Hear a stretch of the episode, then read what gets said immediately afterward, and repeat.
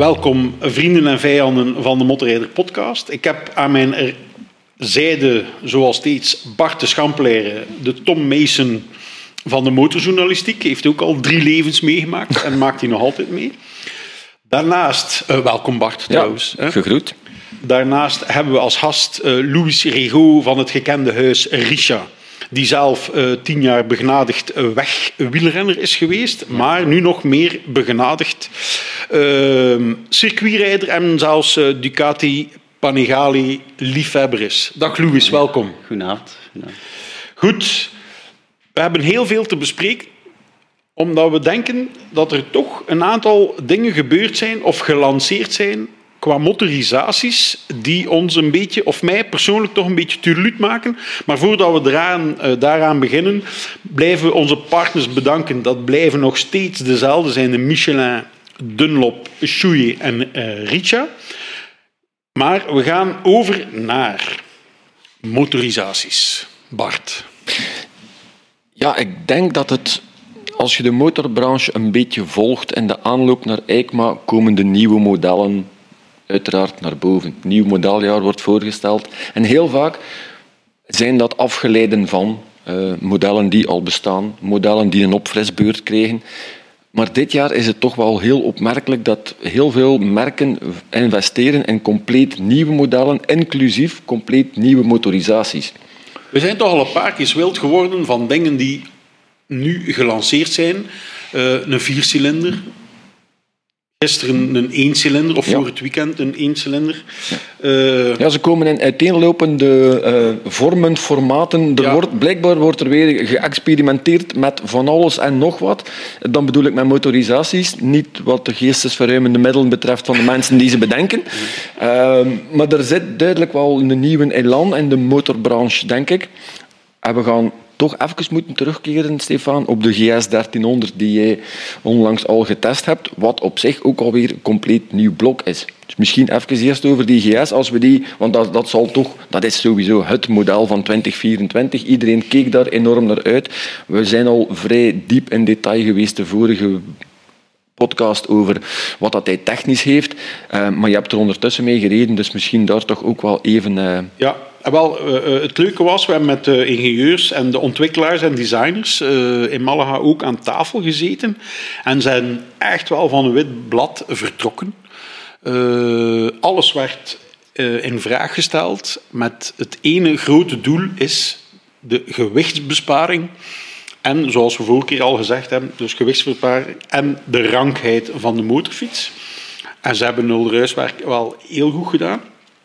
Um, en ze hebben allee, like die, het verplaatsen van de versnellingsbak, dat wij ook zeiden, ja, zo ingewikkeld is dat niet om te bedenken, dat die ingenieur zelf ook zei van, ja, we hadden zelf ook zoiets van, Waarom hebben we daar niet eerder aan gedacht? Idem dito met het verleggen van de nokkenassen. Mm -hmm. uh, hadden ze ook zoiets ja, dat we daar niet eerder op gekomen zijn. dus dat was eigenlijk wel uh, heel ontwapenend uh, van die gasten. Nu, ja, qua rijdende... ik was zeer geenthousiasmeerd door het nieuwe blok, die nog altijd heel karaktervol, maar ook krachtig blijft. De versnellingsbak, dat blijft toch een issue voor BMW. Het is al iets beter, maar het is nog niet toppie. Mm -hmm. Ik wil daar wel de randbemerking mee maken dat de gemiddelde kilometrage van de motoren was tussen de 1200 en de 1500 kilometer. Ja. Maar goed. Maar goed, een goede boîte is op 1200 à 1500 kilometer toch eigenlijk ook wel al ingereden. Hè? Als ze na 1500 kilometer niet werkt zoals het hoort, dan vrees ik toch eerlijk gezegd ook een beetje wat het zal geven na 5000 kilometer. Ja, maar goed. Wel, ze hebben gewerkt op die quickshifter, dus nu van 1 naar 2 is het beter. Maar velen van ons hadden ook van, en ik ook zelf trouwens, van 2 naar 3, dat het echt nog wel eh, een moeilijk traject was en het was nog wat houterig allemaal. Maar ja. wat dat na 5000 kilometer geeft, dat zullen we zelf ervaren. Want we gaan er effectief met de redactie één een uh, duurtest nemen. Ja. En ik ben hem ook al eens gaan bekijken. En wat dat mij enorm opviel was hoe, dat, hoe compact dat die motor geworden is uh, in vergelijking met de vorige. Het lijkt alsof dat die ja, om het in kledingtermen te zeggen, te warm gewassen is. Hè. Dus het is, het is een GS die gewoon, die mocht niet in de droogkast, maar ze hebben hem er toch ingestoken en hij is er veel kleiner uitgekomen. Ik vond hem in vergelijking met andere motors in het adventure segment toch altijd wel vrij uh, bombastisch. Mm -hmm. Dus het is wel niet slecht dat ze hem, iets, en dat ze hem een keer in de wasmachine gestoken hebben om hem uh, een beetje te laten Want op de parking kwam er echt toevallig, dat was eigenlijk wel grappig, op de parking van Totaal kwam een 1250 Adventure mm -hmm. En dan hadden ze zoiets van... Jezus Christus, dat is een appartement van, een, van ja. een motto vergeleken met de nieuwe GS. Ja, ja maar heel fijn. Ook dat formaat van de motor hangt eigenlijk ook wel af met de doelgroep. En bijvoorbeeld in Nederland, GS Adventures voor gasten van 2 meter zijn dat dan weer wel ja, in proportie. Hè? Dus je moet dat eigenlijk ook toch wel een beetje zien in functie van, van de markt. Maar ik denk dat voor de gemiddelde motorrijder dat het effectief wel leuk is om vast te stellen dat die motor toch uh, wat kilo's en wat volume kwijtgespeeld is. Ja. Daarnaast hebben ze ook uh, aan de telelever gewerkt. Hebben ze dat, hè, dat kantelmoment ding dat we de vorige keer technisch hebben uitgelegd. Wat in mijn beleving uh, wil zeggen vond een telelever sowieso al een aangenaam uh, rijwielgedeelte. Uh, ding. Uh, maar nu werkt hij bijna als een gewone conventionele voorwerp. Dus voor zij die daar nog twijfels over hadden, dat is nu weggenomen. Omdat, ik begrijp wel, met een telelever was de informatie misschien iets moeilijker met het wegdek, of dat vertaalde zich voor velen misschien iets lastiger. Maar dat is nu ook wel volledig weggewerkt. En heel puik. Plus dat ze zoveel mogelijkheden hebben naar personalisatie in de menus, die ook redelijk natuurlijk zijn. Ja, dat dat echt wel moeilijk is om hem... Uh, ja, om een slechte motorfiets van te maken. Ja. Integendeel. Okay. Ik vind het echt leuk, uh, goed gevonden. Uh, je kan er alle richtingen mee uit. Je kan hem heel puur maken, heel zuiver. Maar je kan hem ook u laten helpen met de elektronische middelen. Dus het is een beetje vrijheid, blijheid. Ja. Elektronica. Zullen we even doorgaan naar de Ninja 7 Hybrid? Ja. Want dat is toch, als we het over nieuwe motorisaties hebben, zitten we hier dan toch echt wel met een absolute primeur. Hè? Die, die combinatie van een, uh, een 450cc parallel twin met een elektromotor, die uh, Kawasaki geïntroduceerd heeft. Daar staat nog niet op wanneer dat zal komen. Ook maar de motor is wel, het prototype is ondertussen wel door, uh, door iedereen getest. Test staat ook in het novembernummer van ons blad. Opmerkelijke vaststelling, Randy is daar naartoe geweest van want ja, het is iets helemaal nieuws. En je ziet uh, in de test toch ook wel, je leest dat, het, dat Kawasaki toch nog wel zijn, zijn moeite heeft om die twee uh, krachtbronnen eigenlijk op een harmonieuze manier te laten samenwerken. Als eerste poging in een, voor een dergelijke machine is het zeker geslaagd, maar je voelt ook dat een ervaren motorrijder heel veel aanpassingstijd nodig heeft om met die tom, ja, toch compleet nieuwe motorisatie, die combinatie van twee motoren, om dat op een goede manier te laten werken.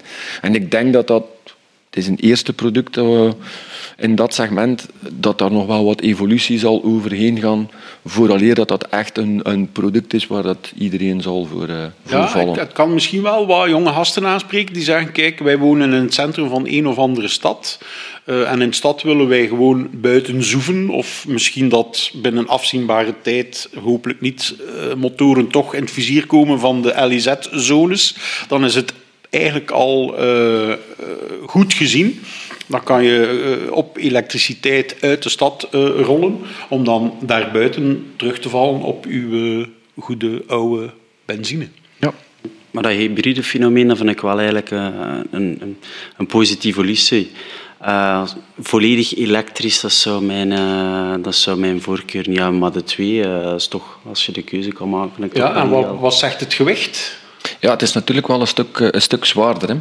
Hè. die batterij komt erbij, die elektromotor komt erbij. Ik, ik spiek even op de technische fiche en zie 227 kilo. Wat dat toch wel pittig is. En qua rijrijk? bijkomend ook van, minstens even belangrijker als het gewicht, is het feit dat ja, er moest wel redelijk wat materiaal tussen die twee wielen uh, een plaats vinden, waardoor dat de, de, motor een stuk langer geworden is ook. En dat blijkt toch ook wel een factor te zijn waarbij dat je bij sportief gebruik op bochtige wegen, mhm. die wielbasis, dat heeft toch net, uh, dat is toch wel, ja, dat, dat vereist enige aanpassing. Ja. Nu, we zijn al lyrisch geweest over de ZX400 Dat is ook weer datzelfde Kawasaki komt echt met, uh, steekt op alle gebieden zijn nek uit. Een, een huilende viercilinder op de markt brengen. Ongelooflijk. Ja. Ongelooflijk, heren. Uh, kwijlen jullie daar ook van? Of, de, jeugd, allee, de jeugd moet daar toch wild van worden, denk ik dan. Louis, jij bent jeugd in onze beleving, dus... Zij Natuurlijk, die, de Aziaten die kijken, die liggen niet echt wakker van de Europese markt. Dus, uh, die lanceren niet. En uh, waar dat het uh, ook is, het zal wel ergens verkopen. De Europese markt is natuurlijk een vrij gecompliceerde markt voor de, voor de Aziaten. Dus die liggen daar niet echt wakker van of dat het hier zal aanslaan of niet, mijn inziens. Het is natuurlijk ook wel... Het is geen 400 cc, zoals dat ze er zoveel van slijten in Azië. Want 400 cc, daar is voor velen nog al een relatief grote motor. Maar de prijzen blijven daar dan nog wel binnen de perken. Dit is wel qua specificaties en dergelijke toch wel van een andere orde.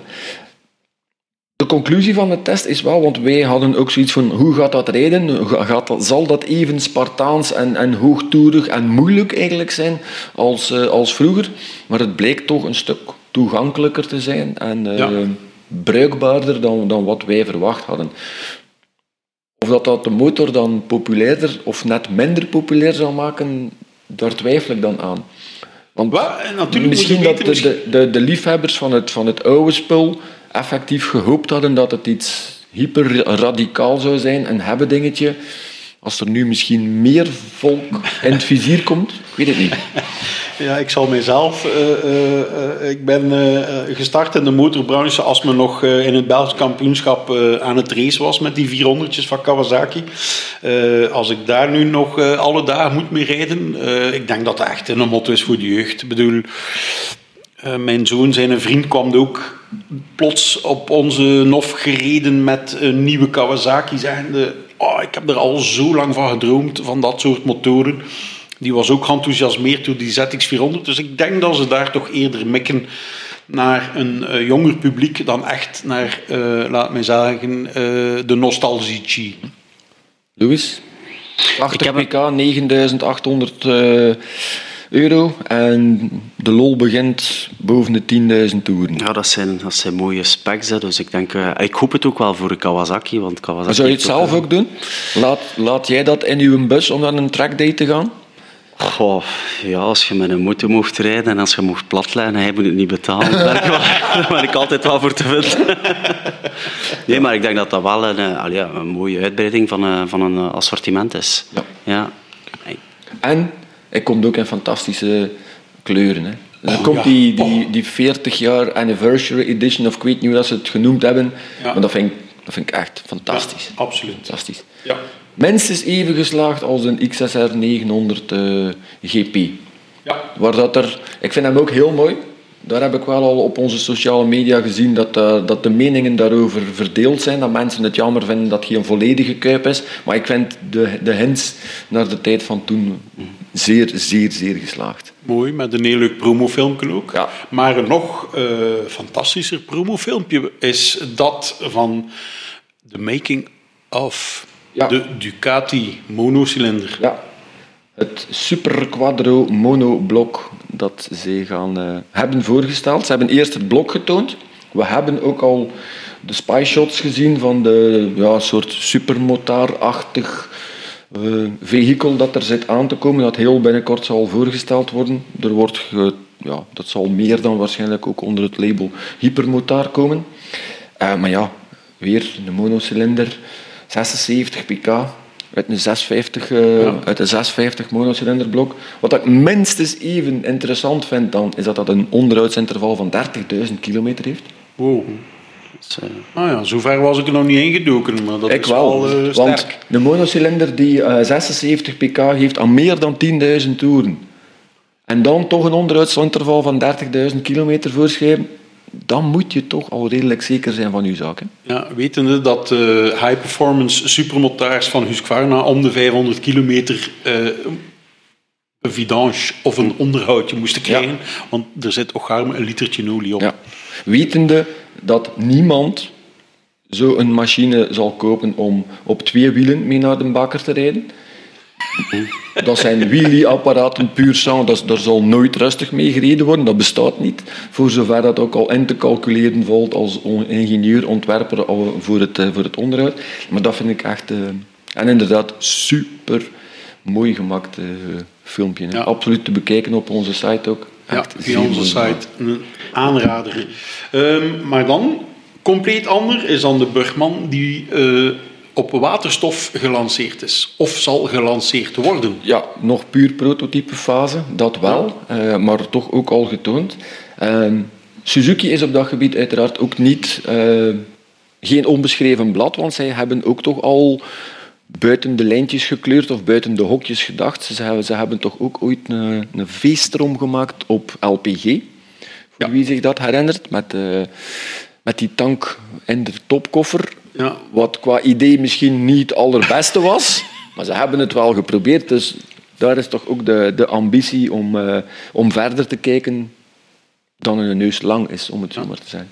En dan, als we dan toch over alle blokken en blokjes bezig zijn, vind ik dat we dat uh, 40 pk monocylindertje van, uh, van Triumph, die 400cc, er ook moeten bijnemen voor die Speed en die uh, Scrambler 400X, waar zij zich toch ook weer op een compleet nieuwe markt mee begeven. Ja. Die, die heel lichte machines komen er binnenkort ook aan. Dus, uh... Ja, maar je ziet dat wel met meerdere merken, nu, nu ook Ducati uh, las ik dat, uh, dat ze beginnen met, met motocrossmachines.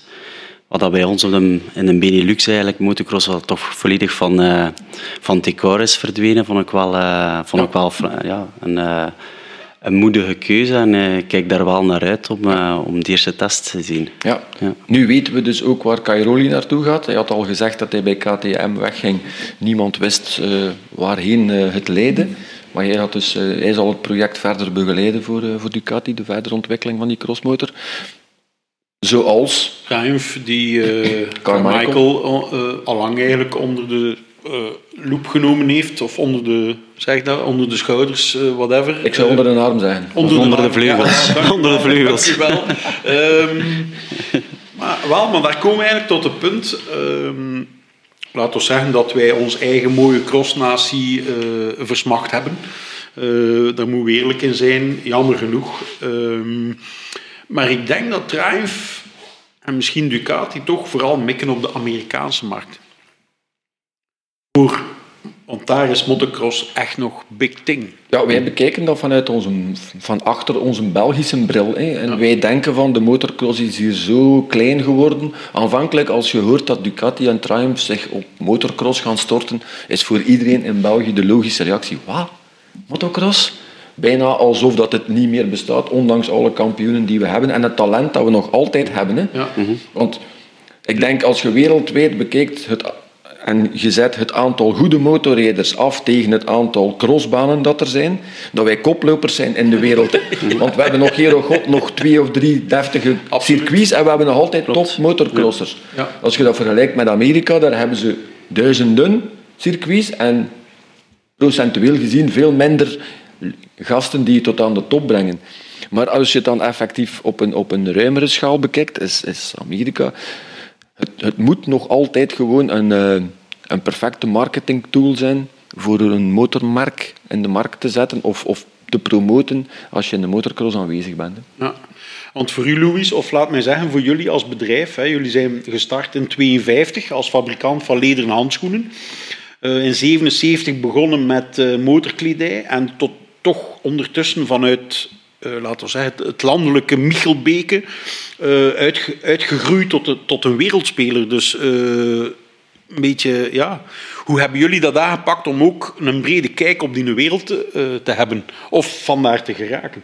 Ja, het grote voordeel is natuurlijk dat we er al, dat we er al zeer, zeer lang in zitten en dat we, we zitten in 60 landen ook. Dus de, de evolutie van de motormarkt uh, speelt zich vooral eigenlijk af in de, in de EU. De EU is eigenlijk de, de moeilijkste markt, zeg maar. Uh, de, de merken die het snelste evolueren en die, die het meest EU-dedicated model op de markt brengen zijn BMW, Triumph, uh, Ducati. Dus ja, wij kunnen ons wagonnetje daar wel aan, aan koppelen qua, qua, qua collecties. Want de motoren en de kleding, dat evolueert hand in hand. Bij de kleding had er natuurlijk ook wel nog een beetje... Uh, komt er natuurlijk ook de fashion en het materiaal aan te pas.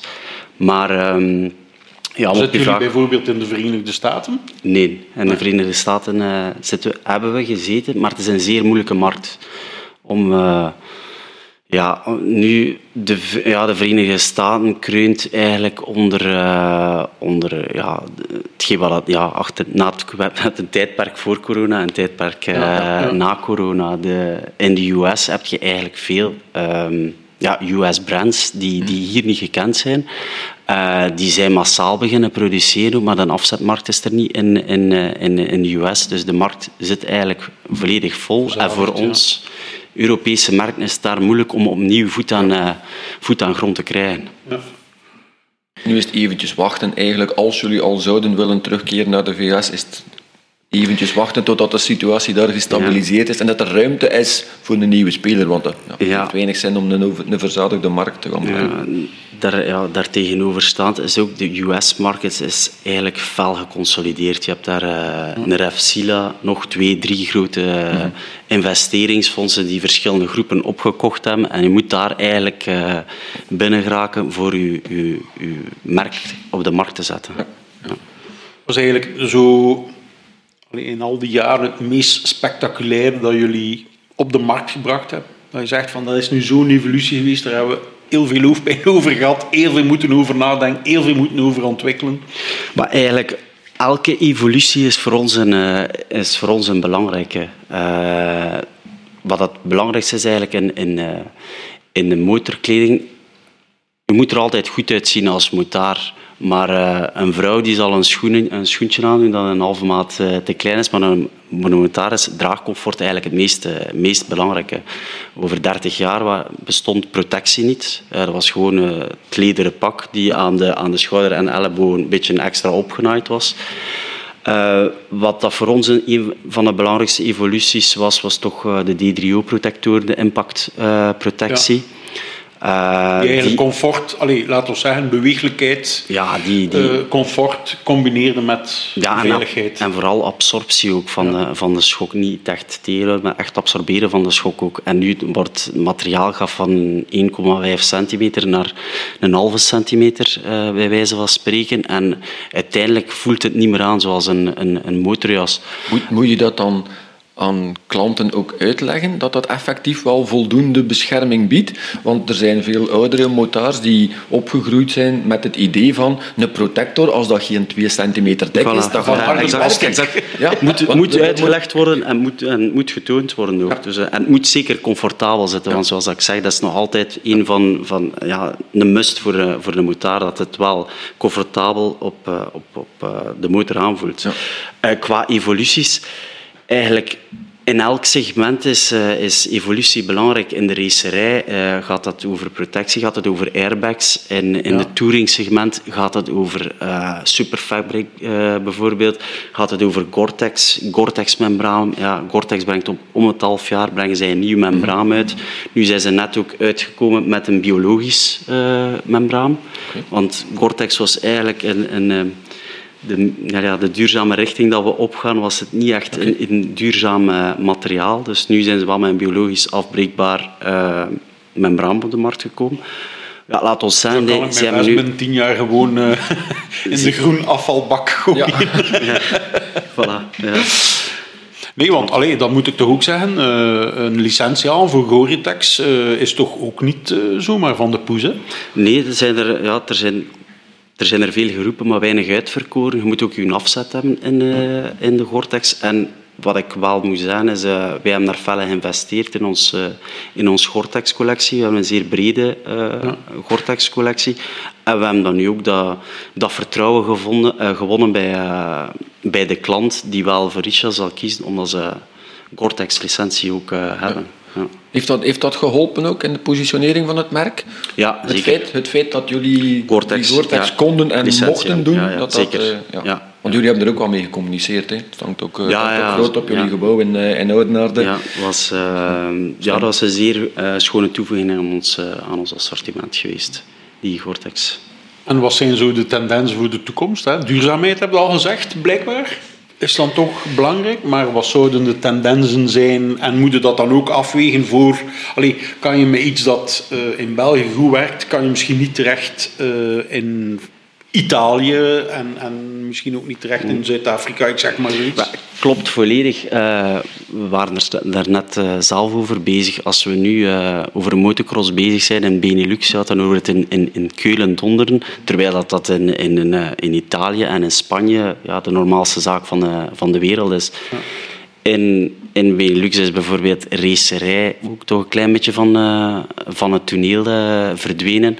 Daar zijn we nu bezig met een nieuwe collectie. Dus uh, met een nieuwe eendelig, tweedelig pak met airbag Tech Ready van, van Alpine Stars. Dus een samenwerking met hun. Ja.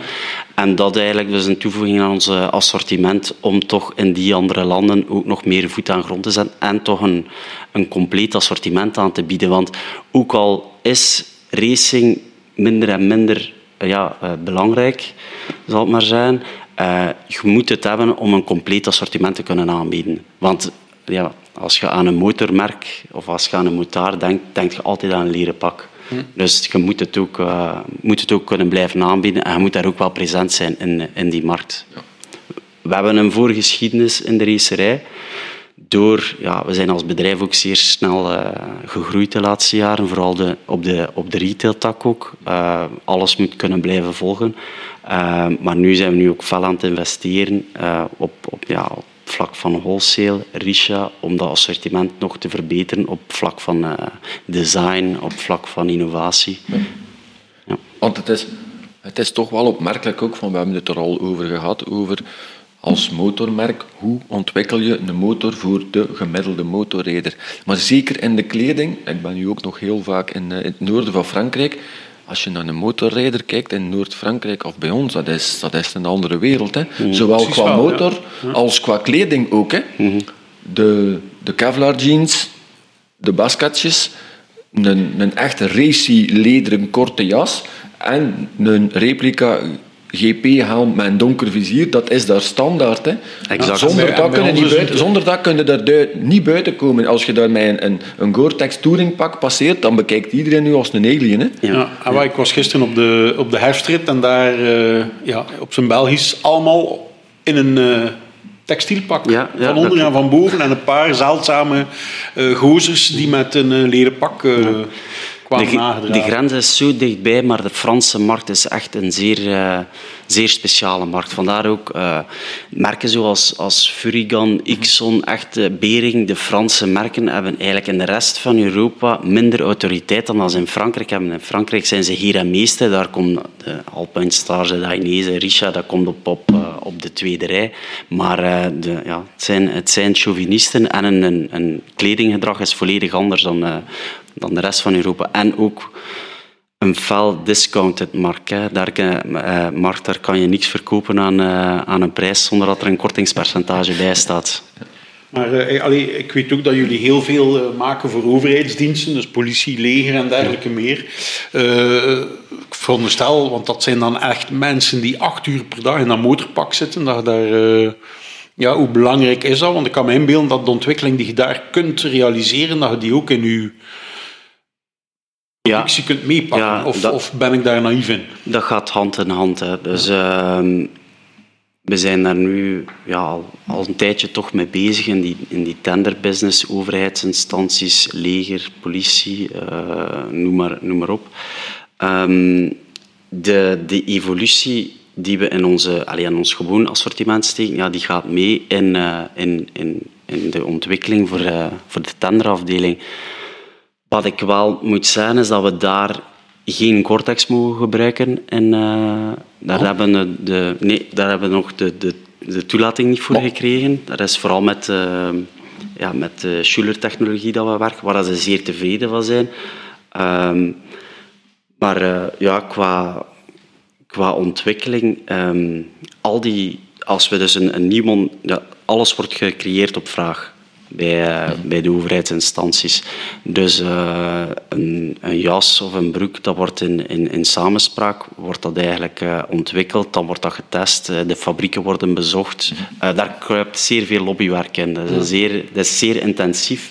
Maar, is maar simpel gezegd, als de politie wil, wij willen ook een holster waar we onze blaffer kunnen insteken. Ja, en die moet rechts op 20 centimeter van daar moet allemaal rekening mee gehouden worden. Ik kijk de jas uit om dat als optie binnenkort ook bij een touringpak te kunnen bestellen.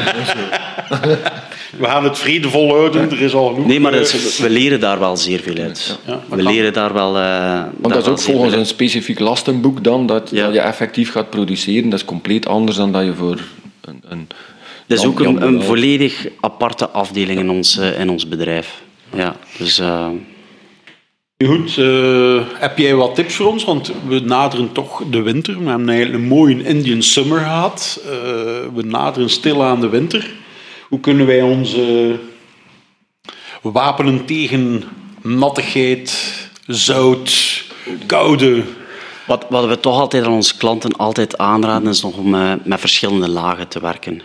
Lering, laagjes. Ja, dat werkt echt goed qua, ja, qua isolatie.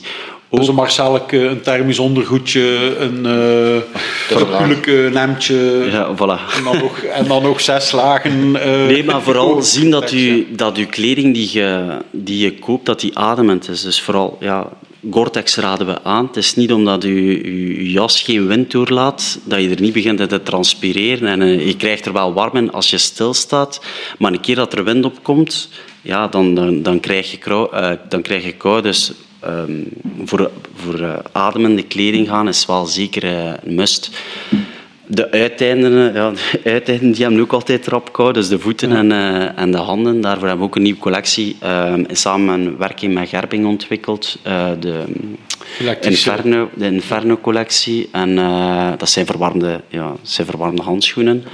Je kan die zowel als met batterij als op de motor aanschakelen. En als je handen al warm, hebt, warm hebben, dan ben je al, al goed vertrokken. Ja, want kijk, kan, wij kunnen eigenlijk hier al in primeur aankondigen dat Dries, onze nieuwe medewerker, heb ik al netjes de verwarmde handschoenen van Risha cadeau gedaan, want die vertrekt met een Riechu zowaar naar de EICMA in Milaan, die uh, plaatsvindt vanaf 8 november. En dat brengt ons naadloos naar een decembernummer, Bart, waar we vele nieuwigheden gaan kunnen brengen van EICMA. Niet tegenstaande er al heel wat gelanceerd is. Ja, ja er, als we de tamtam mogen geloven, komt er nog heel veel aan. Dus het wordt... Uh, 2024 gaat sowieso een boeiend jaar worden. Uh, een bijzonder ja. boeiend jaar worden. En ik ben zelf ook nog op de motor naar de EICMA gereden. En ik weet van dan hoe belangrijk dat goede motorkleding is. Uh... en ik herinner mij ook nog, als je dan door de Gotthardtunnel rijdt, dat je dan uh, 20 kilometer lang eigenlijk recht staat op je motor met alle ritsen open, want ineens is daar weer 20 graden en dan beslaan je spiegels en dan komt er aan de andere kant een tunnel buiten en moet je zien dat je op 300 meter alles weer dichtgeritst hebt om de sneeuw buiten te houden. Goede kleding is belangrijk. Voilà, inderdaad. het is ook veel afhankelijk van de motor waar je mee rijdt. Als je met een naked bike rijdt, dan, moet je, dan zit je eigenlijk niet beschut. Eh, dan heb je direct alles. Eh, zit je vol in de wind, vol in de regen, ja. opspattend vuil ook nog eens. Eh, met een touringmachine ga je daar minder, minder last van hebben. Ja, dat scheelt, dat scheelt veel. En, en ja, effectief die wind eh, kunnen afblokken hè, van, mm van de handen bijvoorbeeld al. Dat maakt al een heel groot verschil. Verwarmde handvaten, maar dat is enkel op de handpalm en je, je neemt de wind toch altijd van de voorkant. Dus verwarmde handvaten, daar geloof ik uh, zelf minder in. Ik heb er ook al mee gereden en ik vind dat niet... Uh, ik heb liever verwarmde handschoenen. Ja? Ja. Ik spreek nu voor mijn eigen winkel natuurlijk. Nee, nee, maar, want ik heb, ik heb ooit met, met uw vader nog een zeer boeiende discussie gehad, vond ik zelf, over de ontwikkeling van winterhandschoenen waardoor ik, waarvoor ik gepleit heb voor een winterhandschoen met een zeer dunne binnenkant. Die hebben we dan gemaakt? Ja, die is er inderdaad gekomen. De level 2 en 1, en was een, ja. dat is een tophandschoen. In combinatie met verwarmde handvaten was dat top. Ja, want als je een effectief dikke handschoen hebt, ook aan de binnenkant, die gaat ook die warmte van, die hand, van dat handvat eigenlijk blokken. Ja. En een dunne binnenkant met een dikke bovenkant, verwarmde handvatten erbij en weggestopt achter handkappen, dat was voor mij isolatie en warmtebegeleiding. Dus, uh, ja, ja. ja, dat was een zeer goede combinatie. Ja. Maar, We zullen het horen als Dries terugkomt met de Riechu. de Riechu die ook claimt van duizend kilometer te kunnen afleggen met één tank. Dus daar kijken we ook heel hard naar uit. Naast alle nieuwigheden op de EICMA. Maar ik denk, Bart... heeft geluk dat het veel bergaf is, hè? heeft geluk dat het veel bergaf is ook. Ja, ja. Ik heb hem ook al een tip aan de hand gedaan om te slipstream nou op het eerste vak achter uh, ja, een of andere vrachtwagen. Ja. Dus, ja. Uh, waar ik, uh, wat ik volgende ja, maand plannen, ja. ja ik, ik ga naar de presentatie van een nieuwe Suzuki. Mm -hmm. Ik mag nog niet zeggen over welk model het gaat. Oeh, embargo-tijd. En, embargo-tijd, inderdaad. Dus embargo is het, het, het vakjargon waaruit wij ja, dagelijks bijna de, eh, de waarde van ons huis op het spel zetten eh, door papieren te ondertekenen dat wij voor een bepaalde datum niets mogen uh, zeggen. Ja. Maar ik weet wel dat het, het zal er ja, versies 1080 uitzien, veronderstel ik. Het wordt zoiets. En ik kijk vooral ook uit naar een compleet nieuw veersysteem waarmee zij op de markt zullen komen. Een primeur voor Suzuki, dus ja, boeiend. En waar, Louis, wat zijn uw plannen? Want dat hebben we nog niet gezegd, dat, dat jullie natuurlijk ook op een gegeven moment de stap gezet hebben met MKC van een hele keten uit de grond te stampen. Of, of allee, die was er wel al deels, maar van die toch wat te boosten, kortweg. Eigenlijk is dat... Uh ja, dat is eigenlijk een beetje uh, organisch gekomen, zal maar zijn. Dus, uh, ik gaf het daarnet uh, zelf aan. na, na mijn fameuze koerscarrière ehm, stond er eigenlijk was een, een, klant van mijn vader, die had een, een zaak in eh, Antwerpen en die wou daarmee stoppen. En hij had eigenlijk geen overname, geen kinderen die het wouden overnemen. En mijn vader zei ook, ja, of dat iemand anders neemt dat over en ik kan de potentiële allee, ja, goede klant kwijt zijn, of we doen het zelf. En ik zei van, uh, ja, weet je, die, dat koers, die, die koerscarrière is toch op een, op een, op een dood spoor, dus ik zal het doen. En eigenlijk, um, dat verhaal heeft zich herhaald. Er zijn nog verschillende ja, motor, ja, motorzaken die geen opvolging hadden. en uh, die hebben dan ook uh, overgenomen. Uh, het is ook een markt bij ons, Benelux, die fel aan het consolideren is. Dus op een bepaald moment hadden we vier zaken uh, in België. Uh, Motorkledingcenter, die toch op zoek was naar een investeerder, omdat zij een beetje, ja, het water een beetje aan de lippen stond. Dan zijn wij op die kar gesprongen. ja, we hebben eigenlijk het bedrijf Motorkledingcenter overgenomen, omdat dat voor ons ook direct ehm, autoriteit gaf in, in, uh, op de Nederlandse markt. We hadden direct ons afzetgebied. Natuurlijk, de keerzijde van de medaille is, retail is wel zeer uh, complex. Zeer, uh, ja, een zeer duur machine om te laten draaien, maar uiteindelijk, ja, naar, na veel bloed, zweet en tranen, wel een zeer... los. ja. ja. Wow, sterk, absoluut zeer sterk. Goeie, we hebben een zeer goed team ook. Uh, we, zijn, we hebben nu ondertussen 18 winkels in, in, in, drie, in drie verschillende landen. Ja. En uh, voor ons is dat eigenlijk... Wij noemen MKC een beetje ons labo. Uh, ja. Wij staan zo dicht tegen, uh, tegen de eindconsument. We hebben ook met, uh, met de managers hebben wij, of proberen we zoveel mogelijk taskmeetings te doen. Onze collectie te gaan evalueren. Ja, wat is er goed, wat is er niet goed? Gaat eigenlijk bijna op detailniveau, op, op pasvorm. Waar zitten de producties? Waar zitten zakken? Welke kleuren zijn er, welke kleuren zijn er in? Of wat heb je nodig? En zo proberen we echt naar, naar de klanten, naar ons mensen te luisteren om onze collectie zo zo goed mogelijk te maken uh, naar die eindklant. En dan krijg je eh, eigenlijk wel effectief de directe info, want anders als dat verkocht wordt via een winkel, dan komt de informatie van de klant toch meestal gefilterd tot bij u als fabrikant. Sowieso, en ook... Uh, als we dan kijken naar de wholesale, landen waar we veel exporteren, ja, je spreekt dan met die dealers ginder, maar dat is dan andere informatie dat je, dat je dat krijgt. Informatie die belangrijk is voor hun land, maar ik vind, ja, als merk moet je ook een beetje van je eigen sterkte uitgaan. Je maakt een collectie, je luistert naar je klant en uiteindelijk, een motorrijder blijft, uh, blijft een motorrijder. Alle markten zijn wel natuurlijk een klein beetje verschillend, uh, maar dan Kijk je echt naar de continenten, uh, Azië, Amerika, Europa, dan gaat het vooral over, uh, over de pasvorm. Design gewijs er daar ook ja, links en rechts toch wel, uh, toch wel verschil op. Maar dan moeten we wel zeggen dat die, door dat apparaat, dat retailapparaat, kunnen we, hebben we wel nog veel stappen voorwaarts genomen ook, op, op, op vlak van collectieontwikkeling.